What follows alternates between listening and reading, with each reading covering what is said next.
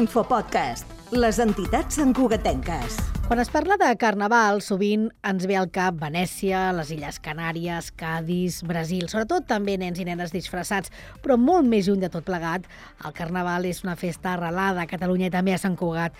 Fa 27 anys, un grup de joves santcugatencs van tirar endavant a través de primer de Profeslo i més tant amb la Comissió de Carnaval i el Gall del Sant Cugat, aquesta iniciativa que volia ser quelcom més que una festa infantil, com recorda Eva Navarro, membre de l'entitat. Nosaltres en aquell moment érem joves, persones molt implicades en diferents entitats del poble, que estàvem també fent llavor de coordinadora, intentar fer més, com més mm, burullo, i va néixer tot amb la intenció de que hi hagués un carnaval per tothom, per joves i per adults. Amb la intenció total de que el carnaval és una festa major petita d'hivern i que és un moment del calendari festiu en el qual la disbauxa és per tothom, que no és una cosa de que, de que et disfresses i ja està, sinó que és una cosa més arrelada en el sentit de que és el moment de qüestionar el poder, intercanviar rols, o sigui, és un moment de, de, de posar les coses, capgirar-les més. No és només la màscara o la disfressa. I és que Sant Cugat dona el tret de sortida al Carnaval aquest dijous, 8 de febrer.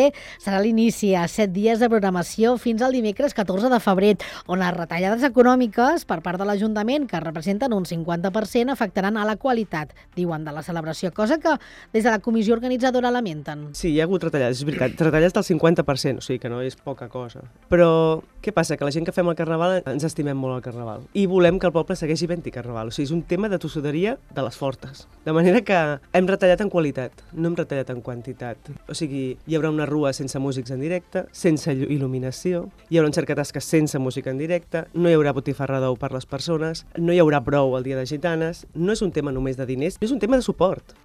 Tot i intentar mantenir la majoria d'actes, algunes iniciatives, com sentíem també com el Mardi Gras, també i el concurs de paradors, han desaparegut en guany del programa i els membres del de Vall dels Estirats aniran, per exemple, sense vestuari fets que la comissió lamenta. Fa més de 20 anys que s'organitza aquesta festa i el suport encara ens l'hem de guanyar. Cada any, quan es va a parlar amb l'Ajuntament, ho fem quasi a palletes perquè no volem que ningú ser el que parla amb l'Ajuntament, perquè és horrible. És sempre començar de nou. És com si tu sempre vols organitzar, és com si haguessis d'organitzar el dinar de Reis i cada dia haguessis de començar per veure quants som, quantes cadires, a veure quantes taules, però a veure, un moment, no sabem ja tots el que és el Carnaval. No?